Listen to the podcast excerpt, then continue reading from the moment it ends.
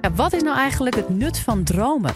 Volgens Dalena van Heugten zijn het in ieder geval geen voorspellers van de toekomst.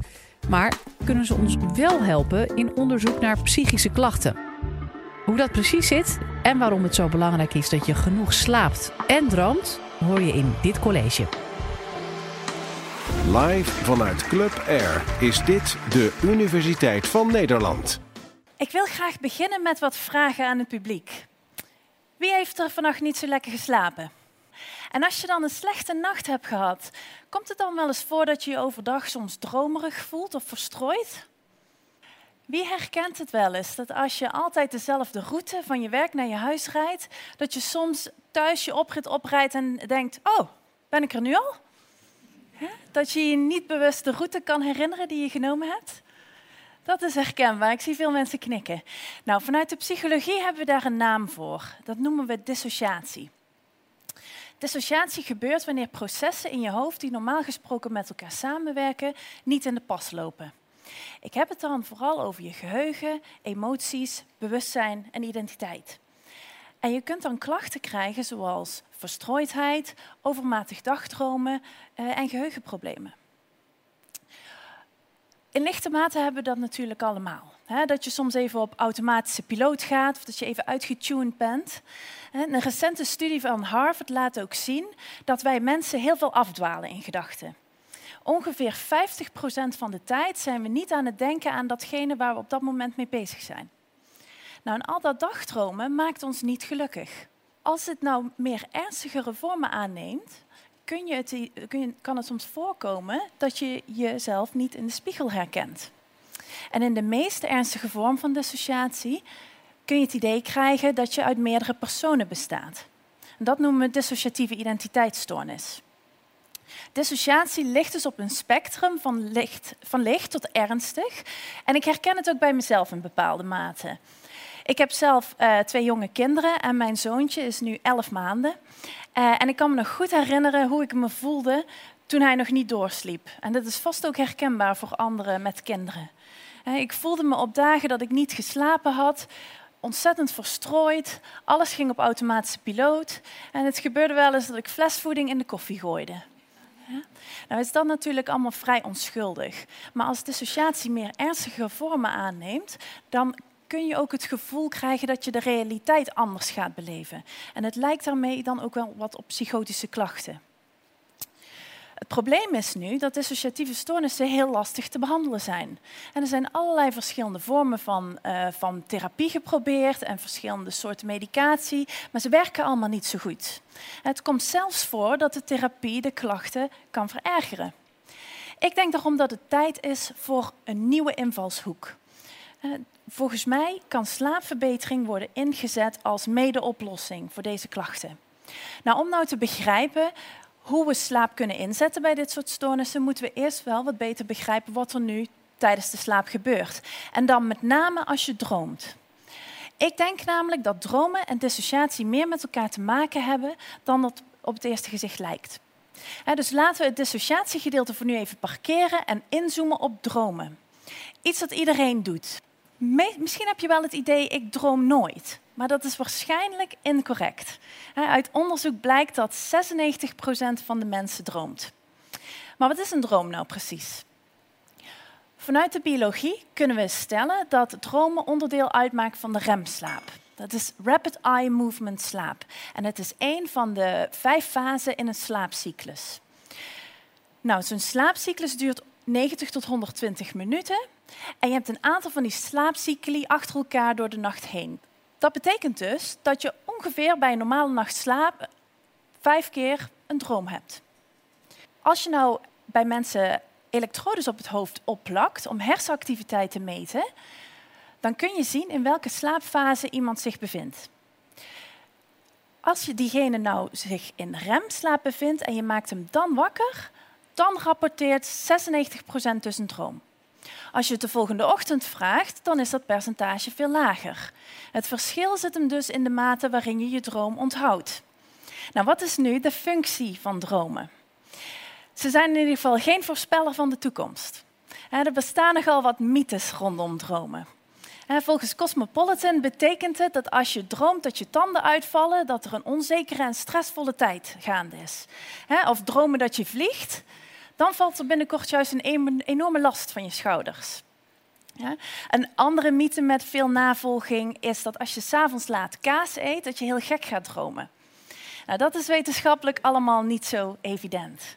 Maar hoe zit het dan wel? Vanuit de wetenschap kunnen we stellen dat de functie van dromen vooral gaat om het verwerken van emotionele gebeurtenissen.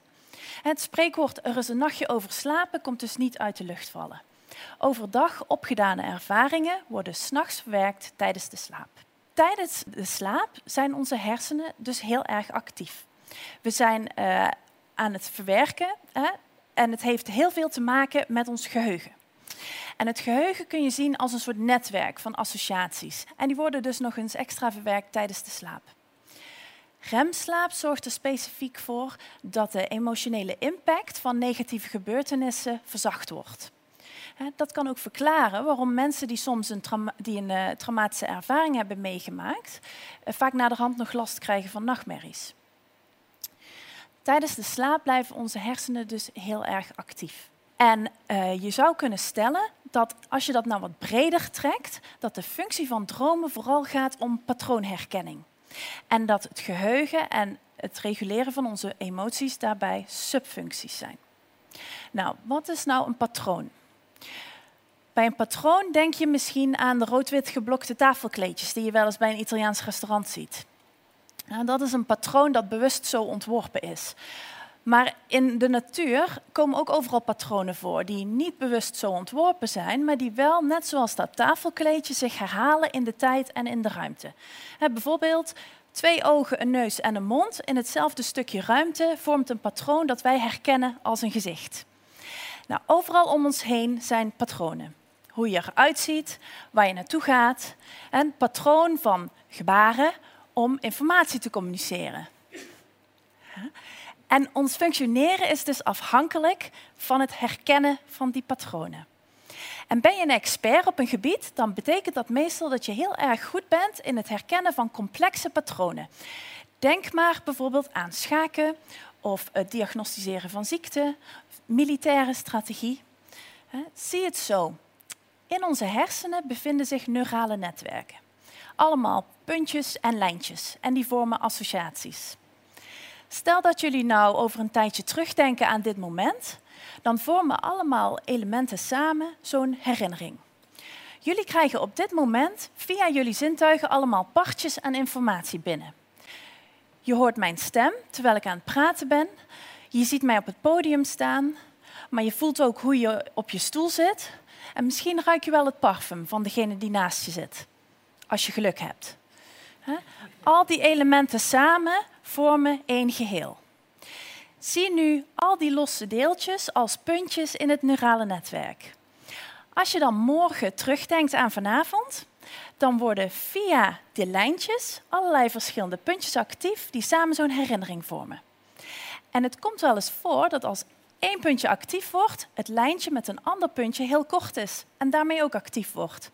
Dat noemen we een associatie. Zo hebben ze onderzoek gedaan bij mensen waarbij ze een woord zeiden en die mensen dan zo snel mogelijk moesten reageren met het eerste woord dat in hen opkwam. Bijvoorbeeld bij het woord tafel reageerden de meeste mensen met het woord stoel. Tafelstoel is een, uh, is een patroon dat logisch is, omdat het vaak voorkomt op dezelfde plek en tijd. Wat nou interessant is, is dat uh, deze mensen dezelfde opdracht kregen, maar dan als ze net wakker waren gemaakt vanuit de remslaap. En dan reageerden de meeste mensen op het woord tafel met het woord altaar. Tafels zijn ook geassocieerd met altaars, omdat ze dezelfde vorm hebben. Maar die associatie ligt toch wat minder voor de hand. Dus tijdens het dromen in remslaap zijn onze hersenen hyperassociatief. We zijn meer associatief dan wanneer we wakker zijn. Bij het activeren van één puntje worden niet alleen de puntjes actief met de korte lijntjes ertussen, maar ook die met de langere lijntjes ertussen. Tijdens de slaap zijn onze hersenen heel actief en uh, met name het limbische systeem. En dat is belangrijk voor onze geheugen en voor onze emoties. Tijdens de slaap zijn onze hersenen aan het werk om bepaalde connecties sterker en andere minder sterk te maken. dus uh, het verstevigen van die lijntjes. En dan dus vooral de minder voor de hand liggende associaties. In feite zijn we dus aan het oefenen met meer complexe patroonherkenning. Waarom is dat nou belangrijk? Ons dagelijks functioneren is hiervan afhankelijk. We hebben het nodig voor ons geheugen en voor het reguleren van onze emoties. Sommige wetenschappers stellen zelfs dat al onze breinfuncties hiervan afhankelijk zijn. En tijdens het dromen zijn we dus in staat om meer complexe patronen te herkennen dan wanneer we wakker zijn. Bovendien is de prefrontale cortex, dat zit hier vooraan, uh, voor een gedeelte uitgeschakeld. En dit gedeelte kun je zien als je werkgeheugen. Het filtert overdag wat we wel en niet toelaten in ons bewustzijn. En daardoor kunnen we overdag helder en lineair denken. Nou, omdat dat filter dus uitstaat, kun je voorstellen dat dus je dan heel erg ongewone of bizarre dromen kunt gaan hebben. Want patronen die je tijdens het dagelijks leven niet maakt, omdat ze niet logisch of niet nuttig zijn, maak je tijdens je dromen wel. Neurotransmitters die tijdens de waaktoestand in toom worden gehouden, krijgen tijdens droomtoestand vrij spel. Daarom kun je soms wakker worden en denken, nou hoe kan ik dit nou toch bedenken in mijn droom? We worden dus hyperassociatief tijdens onze dromen. Nou, wat gebeurt er nu als het misgaat? Als de grenzen tussen slapen en waken gaan vervagen? Nou, dan kom je dus terug op het gebied van psychopathologie. En het kan zijn in de vorm van psychose of in de vorm van dissociatie. Droomachtige verschijnselen, maar dan overdag. En zie het als extreem dagdromen. Uh, bijvoorbeeld uh, het idee hebben dat je je in een film bevindt of dat je de wereld ziet door een mist. En Schopenhauer zei het al: psychosis is like a dream. Onderzoek heeft voorts aangetoond dat slaapgebrek dissociatie erger maakt. En we hebben dat onderzoek uitgevoerd in Maastricht aan de universiteit. En gezonde mensen moesten 36 uur wakker blijven. En wat je zag, was dat vanaf middernacht begon eerst slaperigheid toe te nemen en de stemming verslechterde. En dan tussen drie en zes uur ochtends zag je de grootste toename van dissociatie. En mensen rapporteerden dat kleuren er anders uit begonnen te zien, het lichaam voelde groter of juist kleiner, de tijdsbeleving voelde anders. En met andere woorden, slaapgebrek doet dissociatie toenemen. Nou, ik heb ook een aantal jaren in Oxford gewoond uh, en aan de University of Oxford gewerkt en onderzoek uitgevoerd. En uh, ook daar lieten we mensen 36 uur wakker blijven. Maar ze moesten van tevoren ook nog naar een hele enge film kijken. Nou, wat bleek? Als je na het zien van de film de hele nacht moest wakker blijven, had je minder last van opdringerige, opdringerige herinneringen aan die film in de dagen erna dan wanneer je mocht slapen. Waarom is dat nou interessant? Stel je voor dat je een traumatisch auto-ongeluk meemaakt en in het ziekenhuis belandt. Fysiek ben je in orde, maar je bent wel heel erg geschrokken en dat voel je ook al aan een onrust in je lichaam. Wat artsen op de eerste hulp dan meestal doen, is je een slaapmiddel voorschrijven, zodat je lekker kan slapen en de dag daarna weer beter voelt. Maar misschien is dat dus geen goed idee. Misschien geeft ons lichaam juist met die gejaagdheid aan dat het goed is om die eerste nacht slecht te slapen, zodat die emotionele gebeurtenis niet in ons geheugen verstevigd kan worden tijdens de slaap, waardoor we later minder last hebben van traumatische herinneringen. Nou is dit een specifiek voorbeeld waarbij één nacht, hè, kortdurig slecht slapen, een positief effect kan hebben. Maar we weten natuurlijk allemaal dat langdurig slecht slapen uh, heel negatief is voor, uh, voor psychische klachten. Slaapbehandeling zou daarom misschien een oplossing kunnen bieden. Uit onderzoek dat we in Maastricht hebben gedaan, blijkt dat bij verbetering van slaaphygiëne dissociatie omlaag gaat. En met slaaphygiëne bedoelen we een aantal regels, uh, waardoor je beter gaat slapen. Zoals iedere avond op dezelfde tijd naar bed gaan en iedere ochtend op dezelfde tijd opstaan. S'avonds geen cafeïne of alcohol meer nuttigen. En de lichten alvast een beetje dimmen, terwijl je s ochtends juist heel fel daglicht binnenlaat. Nou, we hebben dat getest in een kliniek die heel erg gericht was op slaaphygiëne, waar patiënten acht weken verbleven. En het waren patiënten met allerlei verschillende uh, klachten, zoals depressie, burn-out uh, en angst. En dat zijn allemaal klachtenbeelden waar dissociatie ook vaak bij voorkomt. Nou, na acht weken zagen we dat bij de mensen bij wie de slaap het meest verbeterd was, de grootste afname in dissociatie te zien was.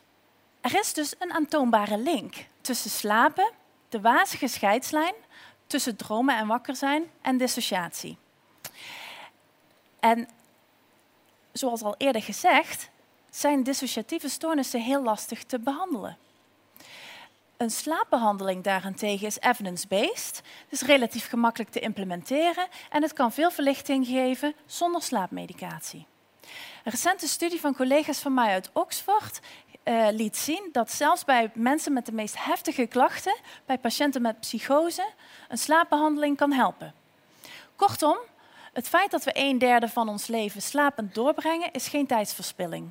We hebben dat ook echt nodig om geestelijk gezond te blijven. Om terug te komen bij de vraag, hoe helpt een goede nachtrust tegen psychische klachten? Nou, dat heeft dus alles te maken met de hersenen die tijdens de remslaap hun werk niet goed hebben kunnen doen. Waardoor we niet goed hebben kunnen oefenen met complexe patroonherkenning. Wat zijn gevolgen heeft voor ons geheugen en onze emotieregulatie. De grenzen tussen wakker zijn en slapen gaan vervagen en het gaat tot allerlei vervelende klachten leiden, zoals dissociatie. En dat geldt niet alleen voor mensen met psychische klachten, maar dat geldt voor ons allemaal. Daarom is slaaphygiëne een heel belangrijk uh, gegeven voor ons mentale welzijn.